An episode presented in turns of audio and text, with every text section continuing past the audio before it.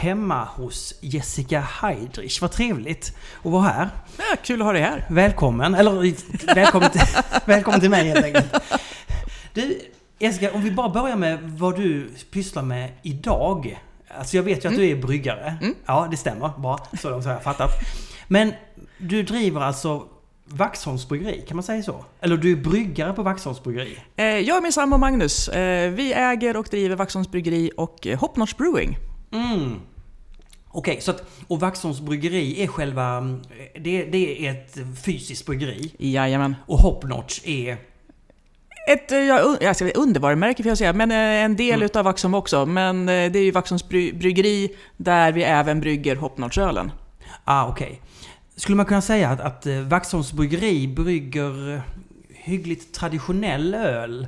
Absolut. Det är Vaxholms bryggeri, där kör vi klassiska ölstilar, klassisk design eh, i flaska. Det är, liksom, Ja. det är tryggt, snyggt, klassiskt helt enkelt. Och för Hopnotch eh, gör vi eh, mera crafty, anything goes. Som det låter också, Hopnotch, vi, vi gillar ju humle. Jag har alltid älskat humle. Okej. Och jag har haft, även som hembryggare haft en byline, I'm a hop-hearted woman. Ah. Och Hopnotch, Men- ja. Men du Jessica, men, men alltså, för när jag tittar på till exempel Vaxholms sida Mm. så är det ju väldigt maltiga lager och så vidare. Alltså Mm. det, det är ganska mörka Alltså om du förstår... Alltså, ja.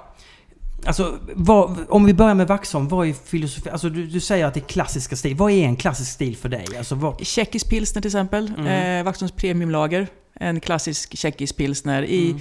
50 centiliters svensk returglasflaska. Det ska Snyggt. vara riktigt Det snyggt ska, och klassiskt. ja, snygg design både inifrån och ut hela vägen. Men är det till och med lite retrokänsla på de här? Kan man säga det eller? Nej, det skulle vi inte riktigt vilja säga. Eh, klassiskt. Ah, okej. Mm. Ja, okej. Ja, ja, men jag förstår din... Att, Mm. att du vill välja det ordet framför det andra. Ja, för, det är, för- retro kanske Mm. mer och går åt någon sorts hipsterhåll. Ja, retro det känns 70-tal för mig. Ah, och det är 70-tal, nej. Nej. Klassiskt, liksom, det, snyggt, elegant. Eh, klassiska ölstilar, bara det säger man att det, det har man bryggt eh, år in och år ut, förfinat recepten. De sitter. De sitter. Ja. Och, och då... Är Hopnotch som ett komplement eller är det dina drömmar eller era drömmar att göra saker? Eller hur ser du på det? För att egentligen förklara det hela borde vi börja från början, eller från början för ja, ett antal år sedan. Eh, Jag var bryggmästare på eh, ett annat bryggeri förut eh, och eh, under många år lärt mig fantastiskt jättemycket, trivs jätte, jättebra. Men man har ju alltid den här drömmen att faktiskt göra någonting själv. Att bestä- Mm. Framförallt bestämma själv. Mm. jag gillar att bestämma själv. Eh, och då tyckte jag efter ett antal år att nej, men, göra någonting eget. Och eh, Magnus har ju pushat på mig i många, många år och sagt gör en affärsplan, gör en affärsplan, starta ett bryggeri, starta ett bryggeri. Men har jobbat alldeles, alldeles för mycket, rest för mycket och det har bara inte funnits eh, ork helt enkelt. Så tyckte han efter, det här var för tre år sedan ungefär, så var jag i New York. Hade varit där och träffat Captain Lawrence och massor med andra bryggerier, satt där på en eh, brunch. Eh, och så var det ett sms. Så står eh, Jag vill säga upp mig. Puss puss, godnatt. Jag blev lite chockad. Så att jag Ja. sprang ut och så messade tillbaka till, till eh, Magnus och frågade Har det hänt någonting? Var dum mot mig på jobbet? Ska jag prata med din chef? Så där, nej nej. Det, jag tycker vi båda två ska säga upp oss. Och så här, okej, jag messar tillbaka. Kan vi ta det när jag kommer hem? Jag är hemma om en vecka, det är ganska mycket nu. Eh, och han säger, ja ja, det går bra. Så när jag kom hem någon vecka senare eh, så sa han att eh, nu har jag bestämt att vi säger upp oss. Nu får du bestämma när.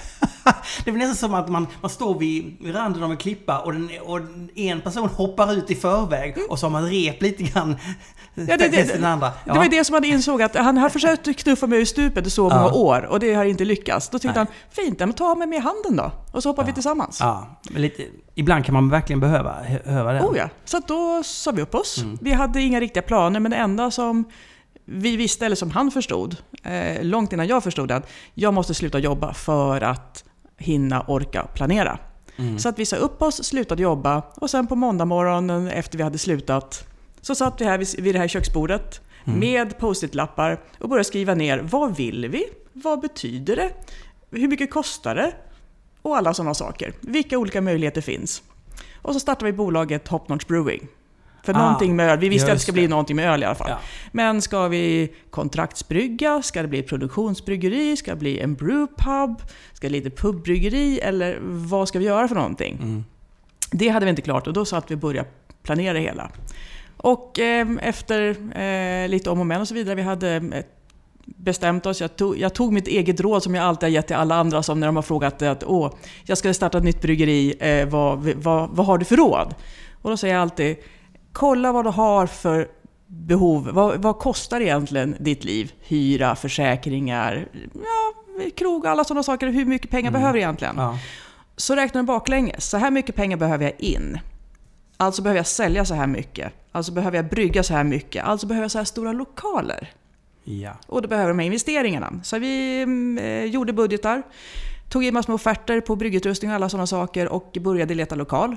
Ja. Och när vi började leta lokal så genom en gemensam bekant så kom vi i kontakt med eh, förra ägaren på Vaxholms bryggeri. Eller dåvarande ägaren på Vaxholms bryggeri. ja.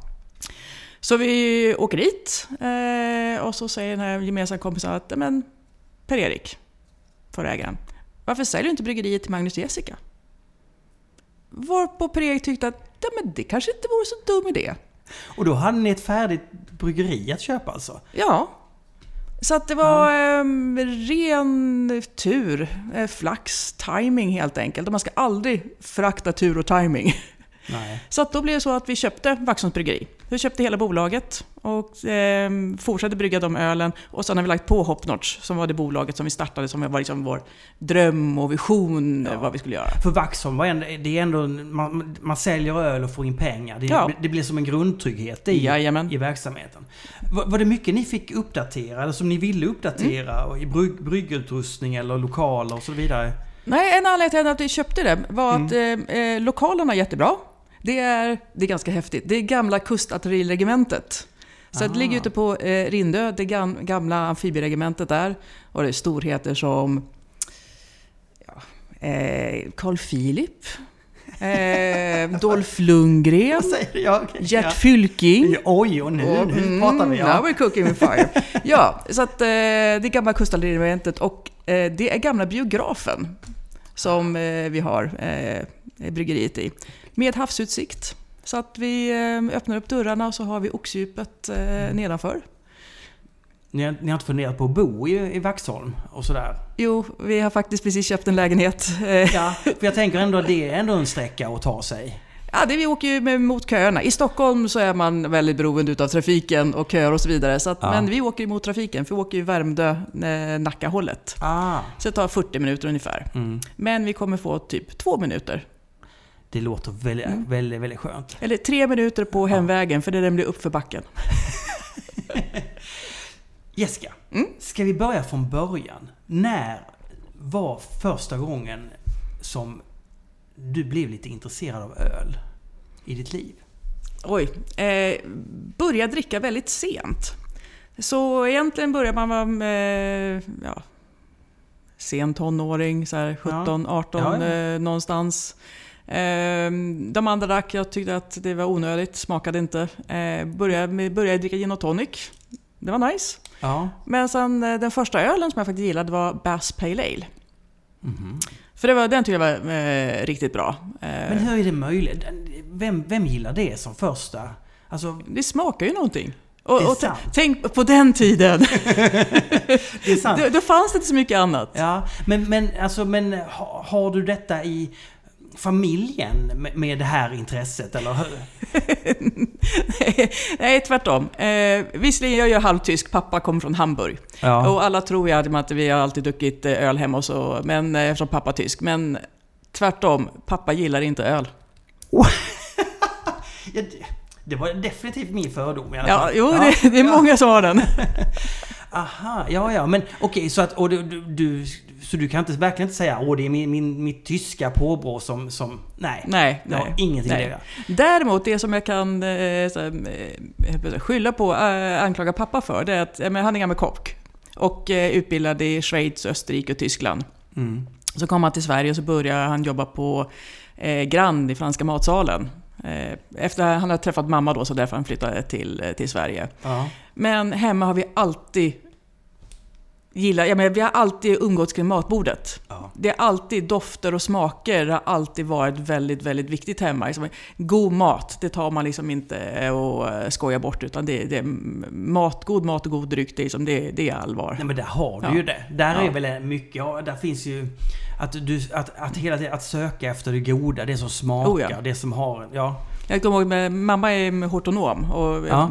håller på mycket med växter och sånt.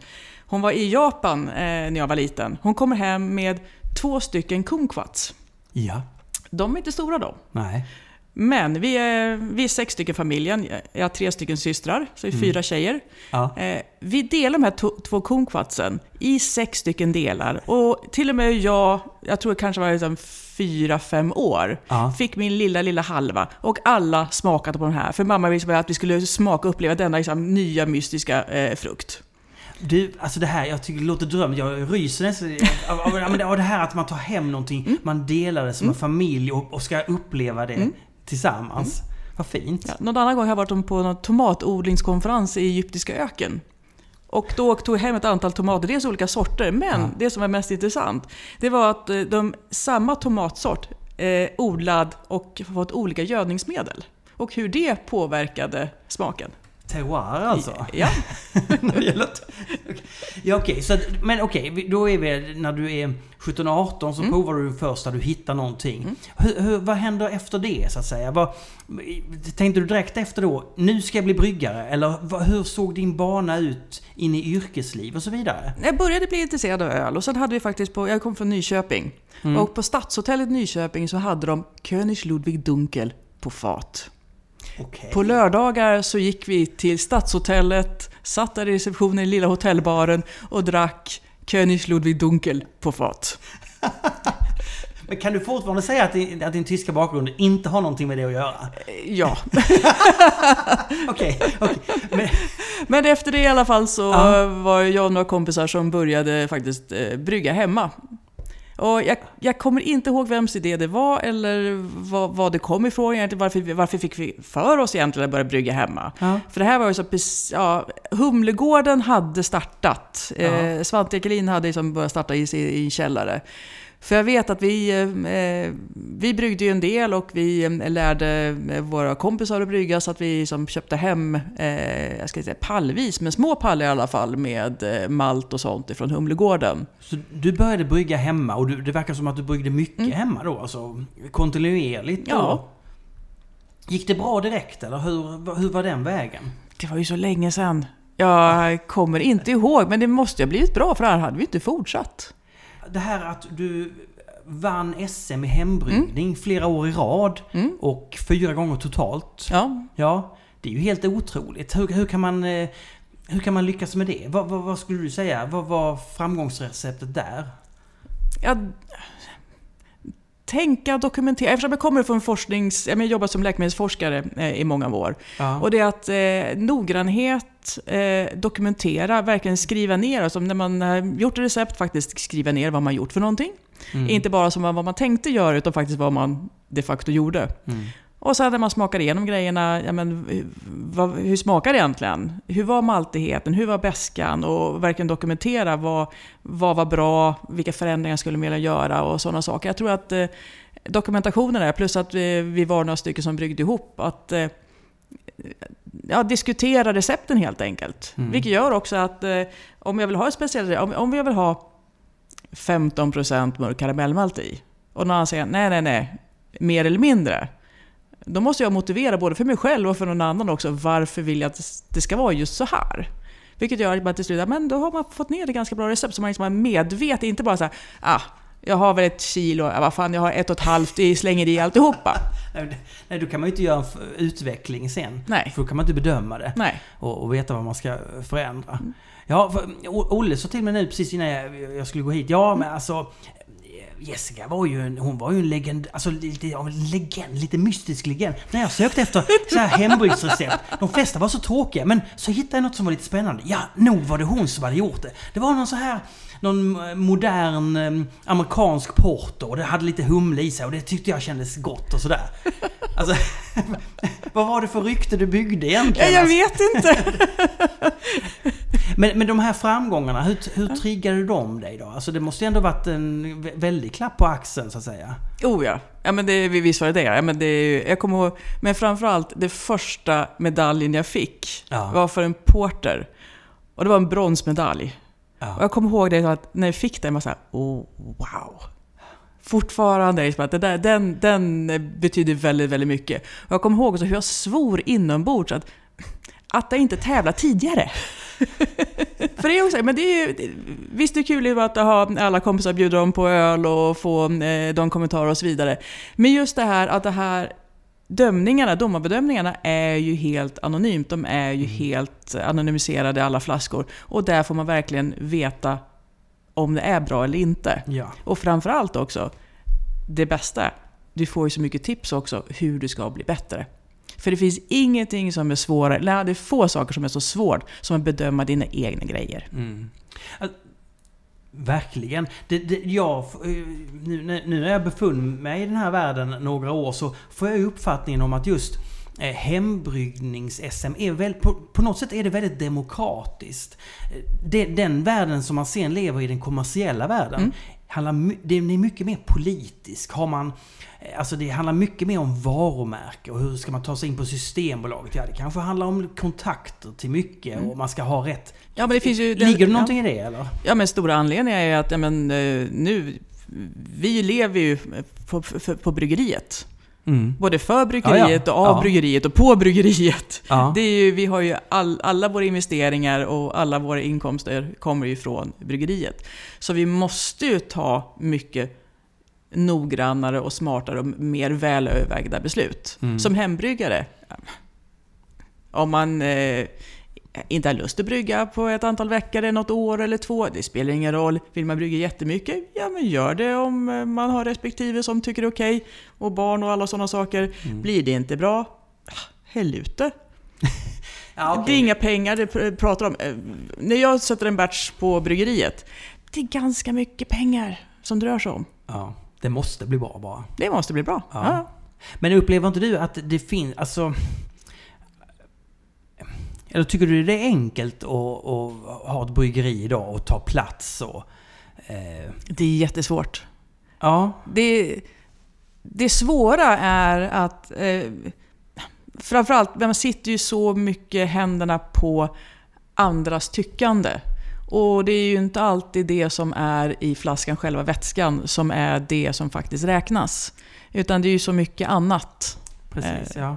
Och det är ju svårt också att hinna med allt det andra. Sociala medier är jätte, jätteviktigt. Design och sånt är jätte, jätteviktigt. Eh, kontakter, distribution. Allting är ju jätte, jätte, jätteviktigt. ja, det är ju det. Och ibland känns det som att ölen är den lilla delen. eh, PR-apparaten är den stora Det delen. är så märkligt. Jag, men jag, jag ser ju det på... Nej, det kan jag inte säga. Jag kan inte säga, säga någonting om det egentligen. Jag, men jag, jag upp, upplever det verkligen så att för vissa bryggerier är det supersvårt att komma fram. Och Mm. andra är bara inne just nu och då kan de göra vad som helst. Mm. Så bara, och då tycker alla bara åh, Mm. det är det här bryggeriet. Vad, vad enkelt det är för dem. Ja, men ibland är det lite grann, ibland känner jag som med, jag tycker ju väldigt mycket om mat och Mm. går gärna på fine dining-krogar och sådana Ja. saker. Eh, och det finns en del fine dining-krogar eh, och kockar som jag tycker verkligen avgudar, som är helt, helt, helt, helt magiska. Och så finns det andra vars restauranger jag inte ens skulle vilja gå på. För det känns lite grann som att de driver med mig. Eh, de bara pushar rätterna, sin kokkonst, till ett steg när konsumenten kommer säga nej, nu fan är kejsaren naken. Nu Ja. är det en picklad älgmule. Nej, nej, där går gränsen. Kejsaren är naken. Och ibland känns det så med en del öl också, att hur en del bryggare pushar så långt bara för att Mm. i princip säga hur långt måste vi gå tills konsumenten säger nej, nej. Jag upptäckte det nu, när vi snackar om det så alltså Eh, Oppegårdsbjörn är ju civilekonom.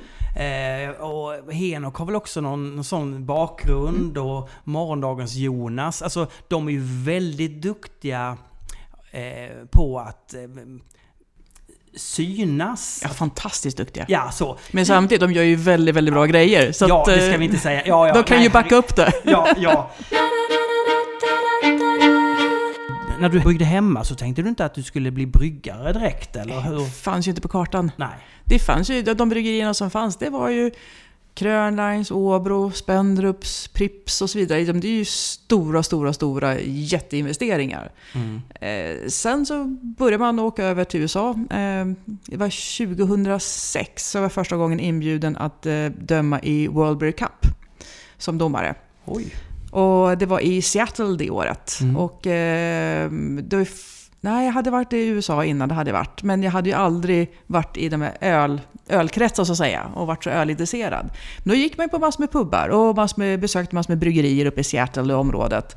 Och insåg att men, det behöver inte vara så stort. De är ju ganska små, eller var. Mm. Illusion, eh, som är stora bryggeriet, eller det, ett av de bästa bryggerierna i Seattle, var ju ganska litet. Ja. Så man kom tillbaka hit till Sverige började man liksom fundera lite grann. Men samtidigt eh, hade ju eh, min, karriär och mitt jobb som forskare i läkemedelsbranschen. Eh, trivs, trivs ju of- ofantligt bra med det. Men samtidigt, att det hade ju varit roligt. Men det är också det att ja, men, investeringar, Ja. det kostar en hel del. Hitta lokaler och sådana saker. Pratade med några med, krögare lite grann löst att typ hintade att här skulle ju vara passa väldigt bra med ett litet eh, bryggeri och behöver någon bryggare och så. Men det var aldrig riktigt någon Hur som många nappade. sa du det till egentligen? Nej, kanske bara två stycken. Ja, jo, men ändå två stycken. Ja, ja, ja. Så då hade du jobbat som forskare alltså under lång tid? Ja, Och du trivdes ganska bra med det? oh ja. Och man, man vet ju vad man har, men man vet inte riktigt vad man får. Precis. Men du börjar känna, okej, vad- när tog det fart? När hände någonting då? Och Det- hur hände det? Det var egentligen eh, för ett antal år sedan. Jag har ju alltid gillat vin och mat och sådana saker och jag Mm. har hållit på med hembryggning. Eh, och jag har alltid velat eh, lära mig mera. Jag, menar, jag har alltid pluggat. Mamma är en av mina absoluta största idoler. Hon har nämligen pluggat i hela sitt liv. Ja. Hon började disputera när hon var 63. Och målet var att när hon, på dagen innan hon fyllde 65 så skulle hon disputera för sen gå i pension när hon var 65. ja, vad härligt! Det är min Ja. mamma. Så att, att kunskap och lära sig saker har alltid varit eh, en cornerstone liksom, i vår familj, att lära sig saker. Så att eh, jag har alltid velat ehm, lära mig mer om vin och mat och sådana saker. Så jag ville gå sommelierutbildningen. Och började kolla eh, och det fanns bara Grythyttan och Restaurangakademin här i Stockholm som var de två som egentligen är någonting att ha. Eller var någonting att ha på den tiden i alla fall. Eh, så började jag kolla Grythyttan, var lite grann eh, out of the question för det ligger för långt bort. Ja. Och eh, sen tittade jag på Restaurangakademin.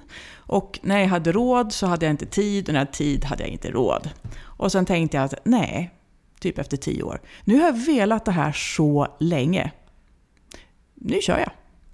Så jag gick in till min chef och sa att eh, hej, eh, jag vill gå ner till 80%.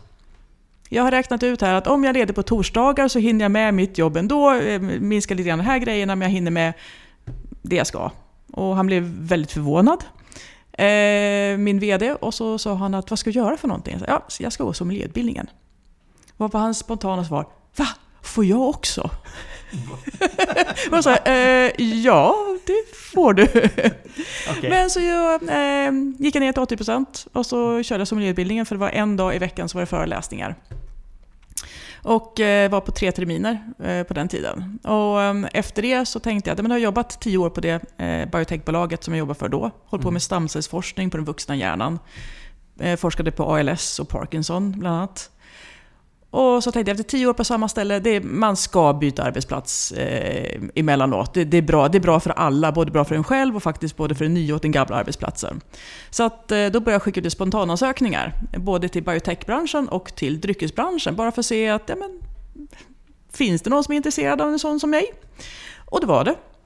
Så att, eh, då var det eh, Galateas förra VD och grundare eh, Torbjörn Sundvall som ringde och sa hej, kan vi snacka lite grann? Ja. Och snackar ganska bra på. Ja. Så att eh, kom upp på kontoret och det första han säger att jag har alltid gillat dig så mycket. Vi måste hitta på någonting ihop. Vad vill du göra? det var ganska bra öppning på en anställningsintervju tänkte jag. Så att efter mycket mm. diskuterande och pratande, jag tror den där pratade lite grann, typ tog fyra timmar. Och sa att men, eh, vi funderar på det här och så syns vi om en vecka. Och så blev det till så att eh, han frågade om jag var intresserad av att eh, återuppliva det gamla varumärket Sankt Eriks. Jaha. Och så halkade jag in på eh, den här branschen. Att återuppliva varumärket Sankt mm. Erik. Men, men vad var tanken då? Att du skulle, var tanken då att du skulle gå in som brygga eller bara ta hand om mm. varumärket? Eller, att återuppliva, att eh, göra något. Det eh, lades ju ner 1959. Ja. Och sen har det legat malpåse eh, ända fram till då 2009 när mm. jag började eh, återuppliva det. Och han ville att jag skulle vara ansikte utåt för det. Eh, vara liksom, han har ju sett vad som händer i USA där, att det är starka personer bakom varumärken. Att, liksom, att öl är inte längre anonymt. Utan det öl är faktiskt, konsumenten vill veta vart det kommer ifrån, vem står bakom. Precis som man vill veta var kon kommer ifrån, var fisken är fiskad av vem och så vidare. Och så vill man veta också var osten är gjord och var ölen är gjord. Vem är det egentligen som står bakom? Så att han ville att jag skulle stå, eh, stå både framför, framför och bakom ölet och eh, designa alla recepten och eh, ta ja, helhetsgreppet på det helt enkelt. För, och, och, och, din trygghet som bryggare och göra recept, mm. hade du från hembryggning? Ja, oh ja. Det var ganska roligt. Det var en av, eh, en av de frågorna som jag inte riktigt förstod när jag frågade var får du recepten ifrån? Och då visste inte jag riktigt vad jag skulle svara för någonting för de, de kommer ju bara. Jag frågade, vad, vad hittar du? Hittar du böcker eller liksom, tidningar? Eller vad, vad, vad, hittar du recepten? Och jag, jag förstod fortfarande inte vad, vad, vad han frågade om. Det är som att fråga, vad, vad kommer musik, hur gör du musiken egentligen? Var kommer den ifrån? Nej men alltså, ja. okej, okay, du hittar på, ja du skapar den. Ja, ja. Aha, vilken, men du vilken möjlighet att bara... Det finns ett varumärke, liva upp det och... Att få verkligen, verkligen få mm. skapa mm. någonting där. Mm. Ja, samtidigt har jag aldrig riktigt förstått varför man återupplivar ett gammalt varumärke, varför man inte skapar ett nytt. Ja. Men, men okej, okay, så att ja, nej, det, det är också sant i och för mm. sig. Men hur var det, hur var det alltså, på Sankt e- alltså, Hur gick den resan då? Jo tack, bra ja, nej, okej, den, gick, den gick bra. Det gick från, från att inte ha funnits så att säga på ja. länge till att det gick ganska bra alltså. Ja, det blev, ju, eh, det blev ju bra mycket bättre och större snabbare än vad vi någonsin, någon av oss kunde föreställa oss. Ja, ja, det blev både bra produkter och försäljning och... Ja, det började med att eh, det är väldigt, väldigt viktigt, eller en av de strategierna som vi hade, det var ju att eh, få ut öl på Systembolaget, att ja. vinna lanseringar. Och eh, så det gjorde jag. Mm. Jag är väl den personen som har vunnit flest lanseringar på Systembolaget. Så, är det? Det visste jag inte. Jag tror det. Nej. Ja. Ja. Men, men, det, men, så det, det, jag vann ju första året vann jag fem lanseringar. Och det är mm. ganska roligt för eh, när jag blev anställd så fick jag frågan om jag ville ha månadslön eller om jag ville ha provision på försäljningen. Mm. Och då tänkte jag, månadslön, sucker! Eh, för man vet ju hur svårt det är att komma in på Systembolaget och få in kranar på krogen är ju som, eh, var ännu mer omöjligt då än nu. Ja, guess who's a sucker? jo, det är sant, men, men samtidigt, vilken ovanlig förslag ändå. Så... Ja, det var ju ja, med många säljare på mm. den tiden jobbar ju ja. också på provision. Så ja, det är klart. Att, man står ja. men, och, men hur många blev... Alltså, fanns det ett bryggeri eller köptes det ett bryggeri? Hur, var fick du brygga då så att säga? Eller hur gick det till? Det var ganska roligt, för att jag, jag trodde ju att de hade anställt då en, en ja, bryggmästare, eller någon som ska eh, sköta ja. bryggningen och recept och alla sådana ja. saker. Så jag frågade då, liksom, okej, okay, var är bryggeriet? För de brygger ju ja, men, å, eh, Arboga och mm. TT och så vidare, ja, är ju ja. är Galateas öl. Så jag undrade, liksom, var är bryggeriet? Varpå han sa att nej, det har vi inget. Nej, tänkte jag. Okej, okay, nice. Ja, men jag får vara med och bygga ett bryggeri. Det är ju ännu roligare. Så här, wow. Eh, Okej. Okay. Eh, årsvolymer, eh, finansiering och sådana saker. Så att jag börjar liksom rattla ur, liksom, smattra ut massor med snabba frågor här, liksom, okay, för att få liksom, grepp om eh, vad jag ska göra för någonting. Och han såg ganska förvånad ut och så tänkte jag efter ett tag, okej, okay, eh, tidsplan, så här desperat, liksom, tidsplan. Ja. Så här, varpå den lyser upp och säger ah, om tre månader, inom tre månader behöver jag första batchen. Men, men, tänkte han egentligen att du skulle vara på andra ställen och, och kontrakt? Jag, alltså, jag vet eller- inte vad han, eh, vad han tänkte, men han sa Nej. att det fixar du. Så vadå, så du byggde upp ett bryggeri? Nej. Nej, du gjorde inte det? Nej, jag gjorde- Nej. Däremot så kom jag på att en av en väldigt god kompis, Mm. eh, Urban Nilsson på Slottkällans bryggeri. De är ett väldigt bra bryggeri. Eh, som eh, bra utrustning, jättebra grabbar, bra grejer. Men eh, taskigt cashflow. Så att det, Slottskällan har ju rekonstruerat den tre, fyra gånger under åren. Så jag visste att de antagligen har kapacitet över. Så jag ringde till Ubbe och sa, hej Ubbe, jag har en idé, ett förslag. Att eh, jag kommer upp och så lär jag mig eh, hos er hur bryg, bryggverket funkar och allting sånt där. Och sen så när vi sätter första batchen eh, så får ni halva betalningen och sen så när det är paketerat och färdigt så vet ni liksom hur mycket det blev så får ni resten. Och han tyckte att dels Ja, jag har alltid gillat det. Vi, måste, vi har kul att liksom brygga någonting ihop äntligen, för det vi snackade om förut.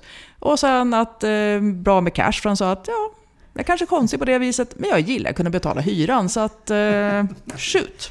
Ja, aha, så där hittade du en lösning. Eh, och, så okej. Mm. Så att eh, det första lanseringen som vi gjorde blev ju... Vi hade gjort en prognos och den eh, sket sig ju ganska snabbt. För det som vi hade trott skulle räcka typ ett halvår, det tog slut på typ en månad. Så var brygga mera, brygga mera, brygga mera, investera i mera eh, tankar uppe i Uppsala på Slottskällan och eh, anställa mer personal. Och sen var det bara att nej men, nu kan vi inte växa mera där. Och i den vevan så var det några andra kompisar som hade lite bryggeri vid Arlanda stad, Sigtuna. Ah. Som inte gick eh, så, här, så jättebra, milt sagt. Och eh, behövde mera pengar eh, för att eh, kunna investera och kunna eh, faktiskt eh, överleva. Och eh, då så blev det så att eh, Galatea eh, köpte Sigtuna.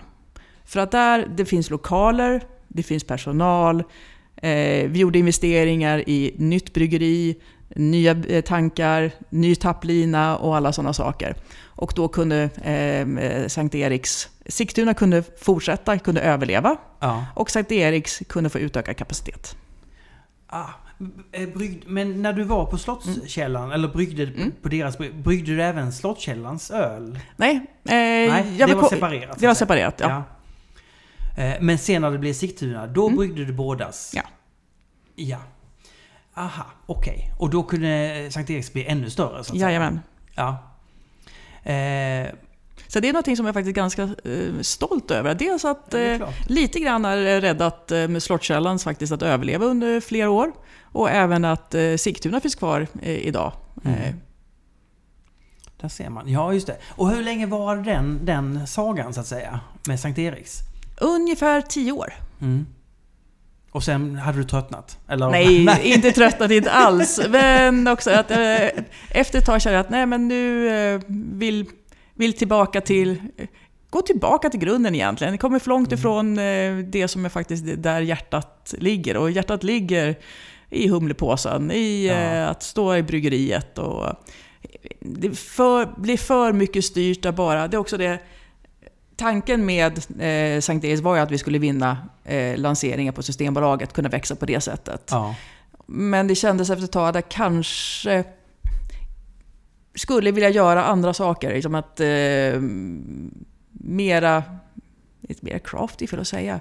Men eh, andra typer av öl helt enkelt. ja. Och det var... Och så att efter Sankt Eriks, det var då det du håller på med nu kom? Ja, precis. Då har vi fått hela resan. Ja. Nej. Ja, men det, nej, men det, är så, det är så spännande Ja. hur det ena Ja. kan leda till det andra och hur man, har. Mm. hur man kan ha hjälp av olika saker i sitt liv och hur det är. Men vad är det för öl som...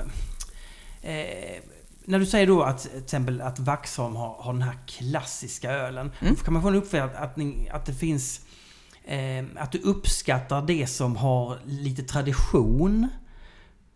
Kan man säga så? Eller är jag ute och... Bre- Nej, alltså- abs- absolut. Ja, men det, att brygga de Vaxholmsölen är ot otroligt skönt. Mm. Det är, för det är, ja, det är klassiska ölstil och sådana saker. Och, men det är otroligt roligt att vara, och hålla på mer med humle och eh, mera innovation med hoppnotch-grejerna. Mm. Så det är ju två sidor utav samma mynt och båda två är liksom, eh, eh, hjärtat ligger klappar ju lite grann mera för hoppnotch, eh, självklart. Mm. Men att eh, få nu sen, vi har ju skruvat en hel del på recepten på Vaxholms-grejerna för att få dem liksom snygga, eleganta. Och eh, jag gillar ju öl som är, ele har elegans och balans. Mm. Och det spelar ingen roll om det är det klassiska, de ska vara eleganta och balanserade. Eller om det är en humlebomb. För även en humlebomb måste vara elegant och balanserad. Just elegant. Olle kör också mycket med ordet mm. vad elegant det här var. Jag, Ja. jag känner igen känner, det. Är, roligt, det är väldigt roligt. Nej men precis. Nej, men, men, men då, och då antar jag att du tycker, alltså den, den, om vi tar ölscenen idag. Mm.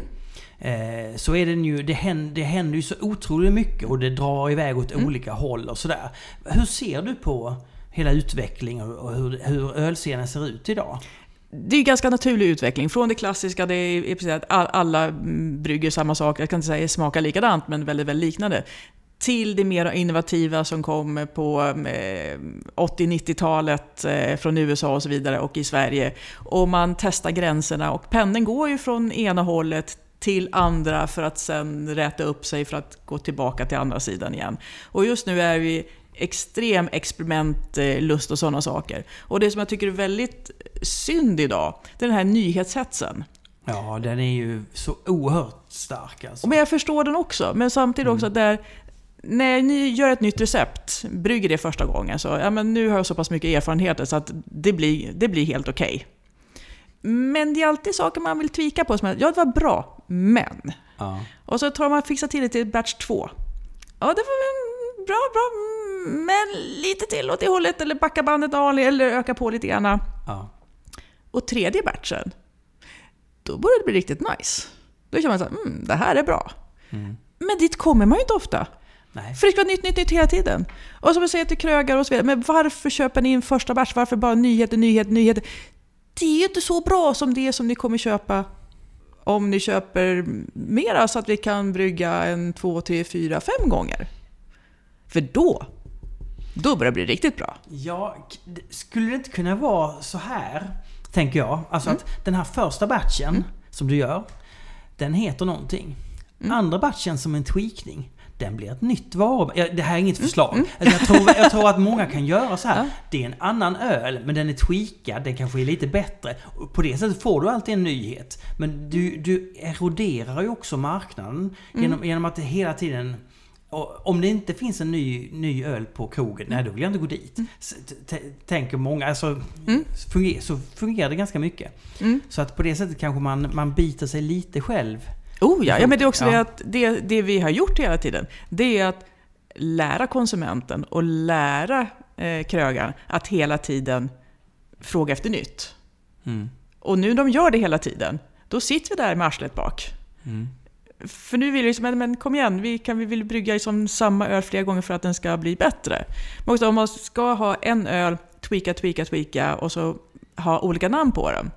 Då börjar man också fråga, vad är det för skillnad på de här? Och- Ja, Det är också en trovärdighetsfråga. visst är det det. Det är det verkligen. Men, men samtidigt, allting bara snurrar så mycket idag Mm. så att... Jag tror också att det snurrar så mycket idag så att folk håller på att bli trötta på att det snurrar så mycket. Och jag vet, och jag, själv när jag går ut ibland, men jag visst, jag tar gärna nya saker. Men jag säger, ja men den där ölen, den vet jag, den är bra. Ja. Jag är så här, den ska jag ha. Och så testar man något nytt med så här, mm, de här, de är bra, de tänk, tänker testa. Samma sak med eh, bryggerier. Jag vet att det här bryggeriet, jag gillar alltid det som kommer från det, det bryggeriet. Ja. Då kommer jag testa det. Några nya bryggerier, ja det är ju skoj men samtidigt, jag är ute så sällan. Och orkar jag, eh, ja kanske testa någonting nytt. Men så, ja men de här, bra. Jag kör på dem. jag, jag är också på väg. Vi var på Zoomen igår. Mm. Eh, och det var ju underbart att, få eh, dricka de här tyska ölen som de har på fat. Klassiker. Ja, det var, alltså, det var, det var så skönt. Mm. Och så, dessutom, de finns ju inte att få tag på på så många ställen. Mm. Så att det var... Eh, kändes det retro eller kändes det klassiskt? det, kändes kvalitet. nej men alltså, nej men så här. Nej men, nej, men det, och nej, det kändes inte retro alls. Nej. Det, känd, det kändes verkligen klassiskt.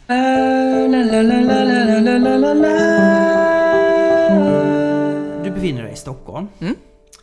Eh, och det här området. Sådär. Hur, hur tycker du... Vi, vi förutspår ju att, att det ska hända väldigt mycket i Stockholm. Att Göteborg har haft sin tid men att Stockholm är på väg nu, att det kommer att hända mycket här. Är jag hoppas det. Ja. jag jobbar på det. du menar att det är upp till dig helt och hållet? Eller? Nej, det, det, det, är upp till oss som bryggare även som konsumenter. Ja. Det... Har, du, har du mycket kontakt med andra mindre bryggerier? Eller hur, hur är det? Eller är du mycket en, en ensamvarg så att säga? Nej, eller? tvärtom. Jag, jag, jag, måste, jag måste träffa människor. Jag blir galen ja. om jag inte får träffa människor. Det är, jag, men jag, jag, jag känner ibland att jag, jag måste bara in till stan bara för att titta på folk ibland. Ja, okay. Nej, för I Göteborg kan jag uppleva att, att det är väldigt nära mm. kontakt mm. mellan bry, de mm. här små bryggerierna. Och, och förmodligen, även man, man sa ju väl det om musikscenen också i Göteborg. All, alla hjälpte varandra så väldigt mm. mycket och därför hände det också mycket. Mm. Eh, alltså Stockholm är ju en lite kallare stad. Alltså om du förstår vad jag menar. Ja, ja absolut. Att, ja. Den är... Jag har några teorier. Ja, gärna. jo, dels det med att men, det här med att eh, Göteborgsbryggarna eh, är tajtare tillsammans också. Det är någonting som jag, eh, jag ska säga, ja, men, jo, varit avundsjuk på. Ja. Riktigt avundsjuk på. Och någonting som jag eh, försökt också, eh, in, inte haft tid förut eh, när jag jobbar för andra. Men nu, äntligen.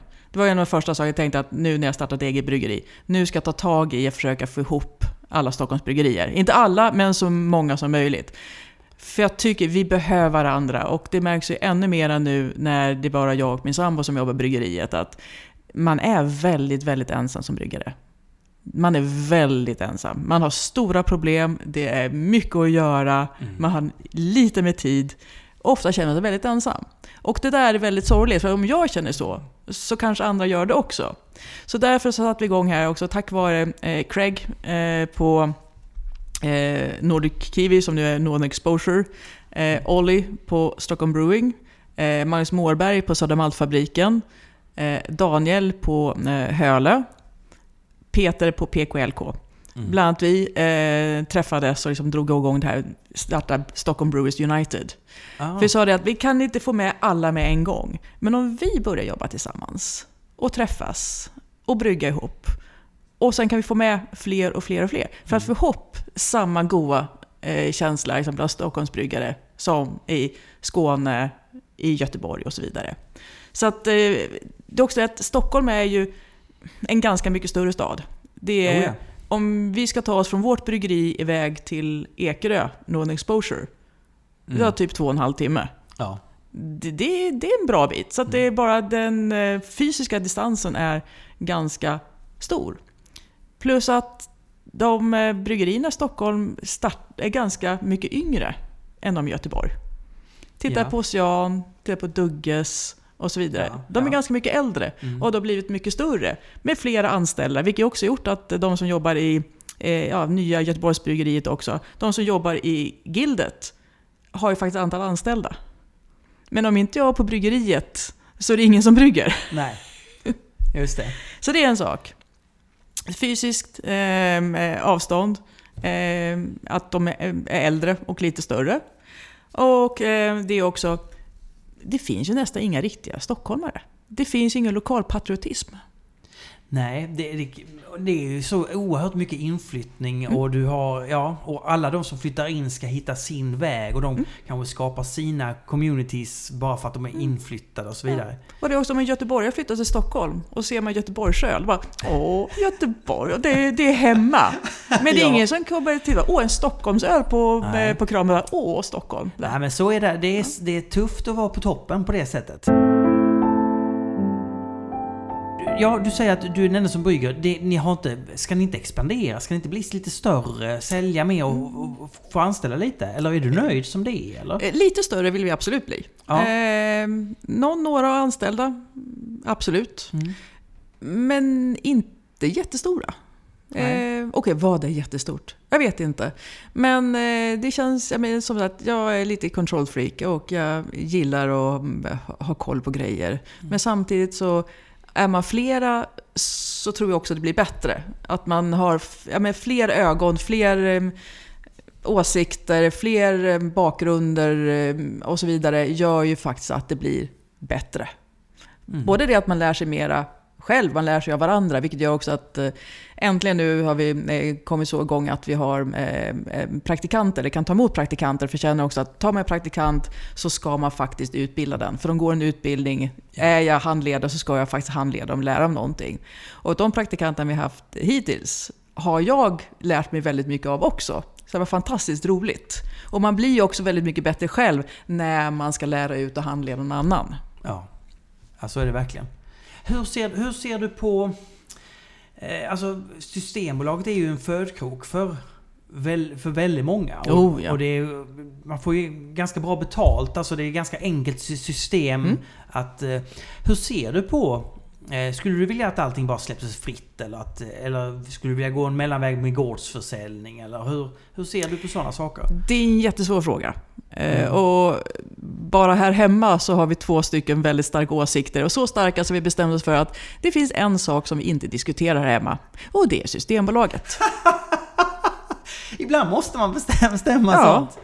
Ja. Men personligen så är jag, jag är väldigt för Systembolaget. Eh, Mm. Jag tycker det är fantastiskt. Utbudet är fantastiskt. Mm. Det är enkelt. Och de som, in, som tycker Systembolaget är svårt och det är omöjligt att komma in på, de kan inte läsa till. Det är in, men, ja, Tycker man det är svårt så kanske man inte ska ha där och göra, på att säga. Då har man andra problem.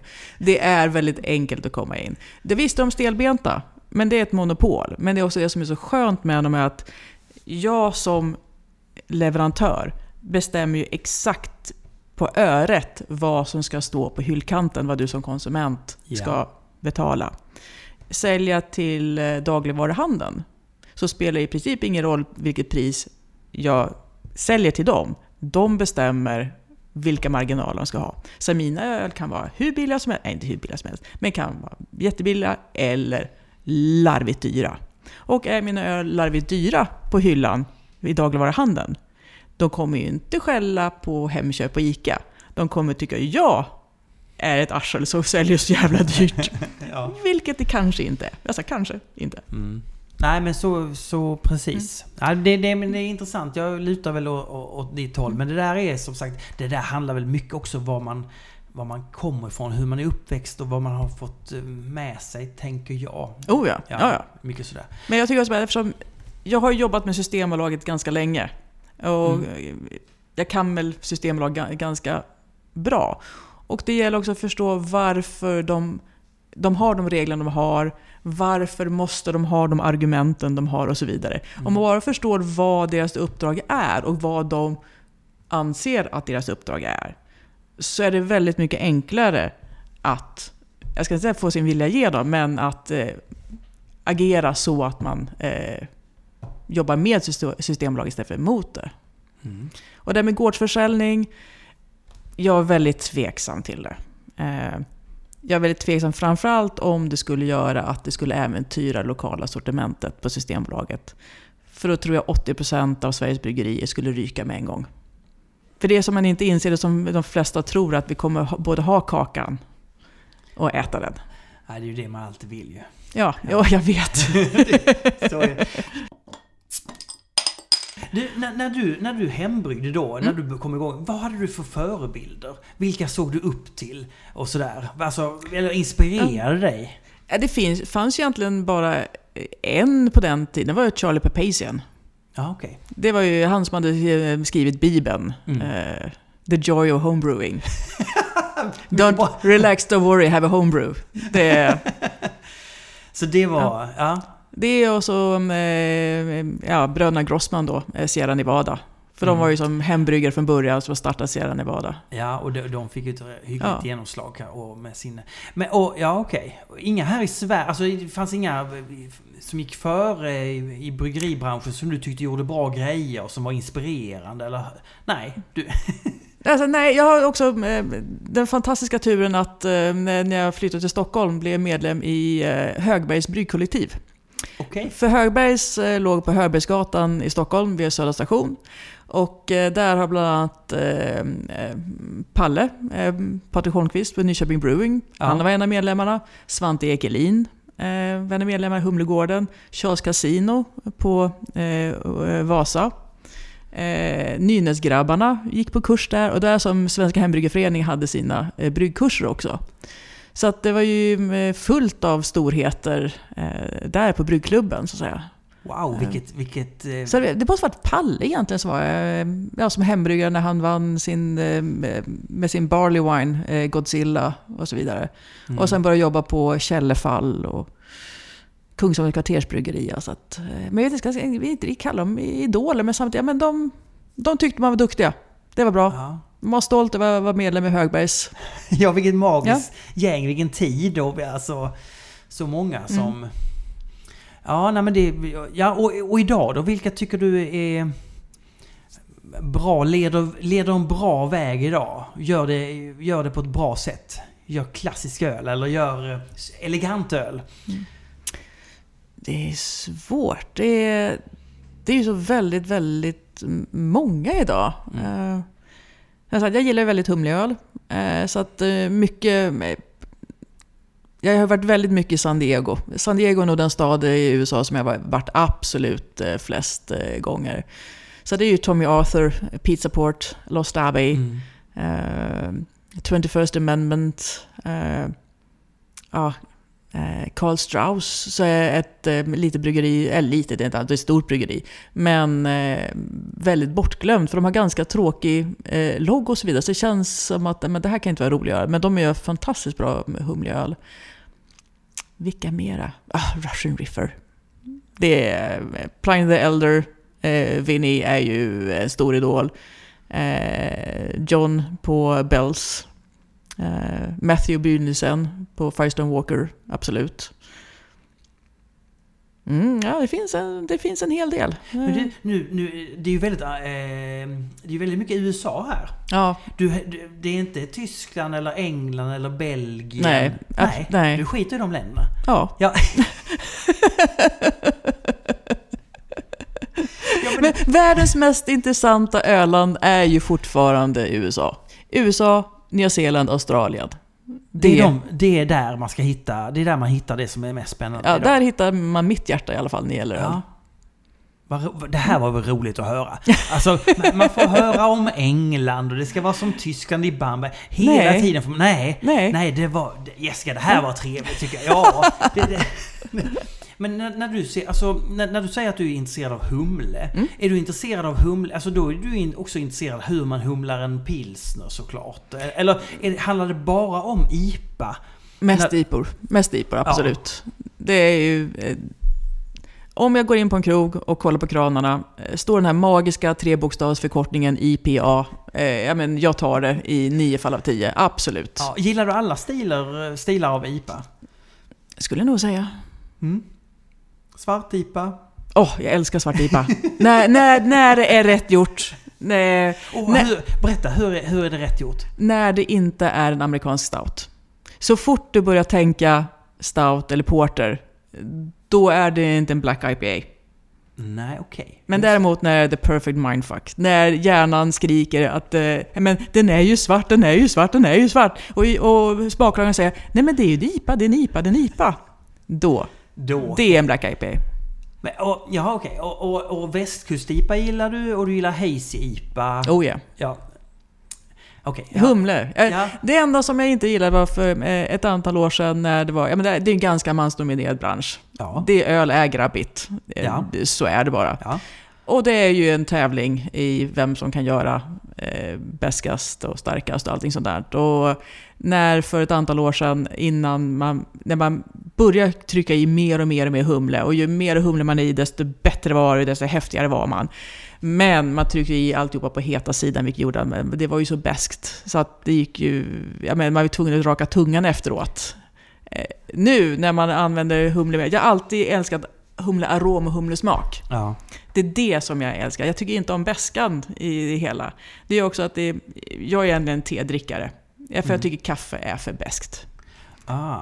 Men, du, men du, vill, du vill ju ha lite beska kvar i en IPA? Ja, men det, här, Det, det, må, det måste fortfarande vara balans. Det ska Ja. fortfarande, öl ska fortfarande vara vuxet. Mm. Det, det, ska, det är fortfarande vuxendricka, jag på säga. Ja, ja. Så att vi ska, det måste finnas beska i den. Så att när man har gjort eh, New England IPA, som, när det blir sötsliskigt, då är det inte balans längre. Nej. Det är bara sötsliskigt. Mm -mm. Nej, måste backa tillbaka lite grann. Lite beska i för att få balansen. ja, just det. Men framförallt humlearomer, humlesmaker. Det är där man vill ha det. Ja, den här humle, humlegommen alltså. Som Ja. man, man bara vill ha mer och mer humle. Ja. Alltså. Ja.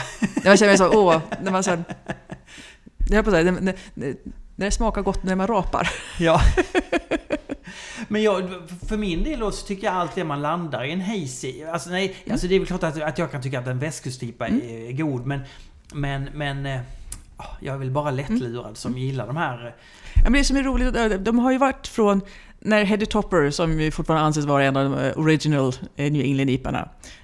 Om man tittar på den idag så är den ju inte speciellt hazy. Nej. När den kom var den ju extremt hazy. Ja. Men det är bara vi tittar på dem liksom från olika eh, vinklar helt enkelt. Mm. Idag gör vi en super, super hazy. Och vi gör med hazy med saker som inte är humle. För grejen var ju att det var så mycket torrhumling så att den blev hazy. Mm. Och sen har man i havre och vete och speciella gästdammar och saker för att konsumenten tycker att hmm, ju hej, mer hazy den är, desto bättre är den tydligen. Vilket inte alltid är sant.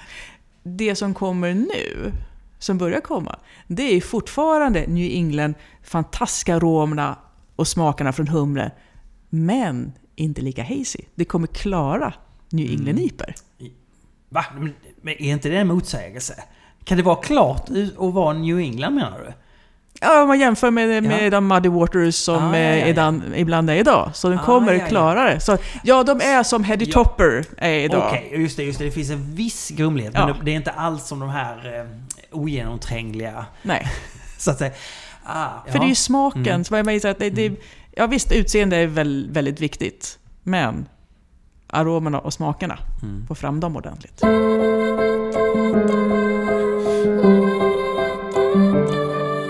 Hur ser nu framtiden är? Att, att, att ni fortsätter med Vaxholm och Hopnotch och utvecklar det? Mm. Ja, men det som vi håller på med eh, just nu, det är att vi har en, eh, installerat en egen burklina. Ah, Så det är den, oj eh, vad härligt. Ja, Ja. eh, det är spännande och skrämmande. Eh, Oj, ja. ehm, och, och när det gäller Hopnotch, vad, vad är det, är det gör, gör, du bara, gör ni bara IPor där eller? Nej, vi gör lite annat också. Ja. Eh, gör lite suröl också. Ja. Till, min, eh, ja, till Magnus eh, stora Ja. förtvivlan. Han är inte alls inne på det spåret. Jag älskar surisar också. Mm. Och vad, vilken typ av suröl? Är det, är det snabb eh, eller? Det är kettle sours, Ja, absolut. Eh, och eh, har hittills bara gjort mm, en i alla fall som vi har fått ut på Systembolaget, eller har lanserat på Systembolaget. Och det är en sour brown. Oj. Precis, en sour brown med svarta vinbär. Och eh, här, lite mer vuxen smak på det hela. Så att det... det låter väldigt trevligt. Ja. ja.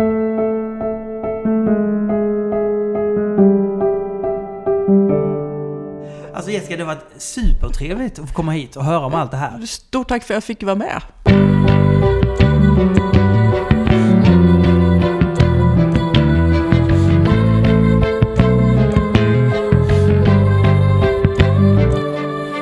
And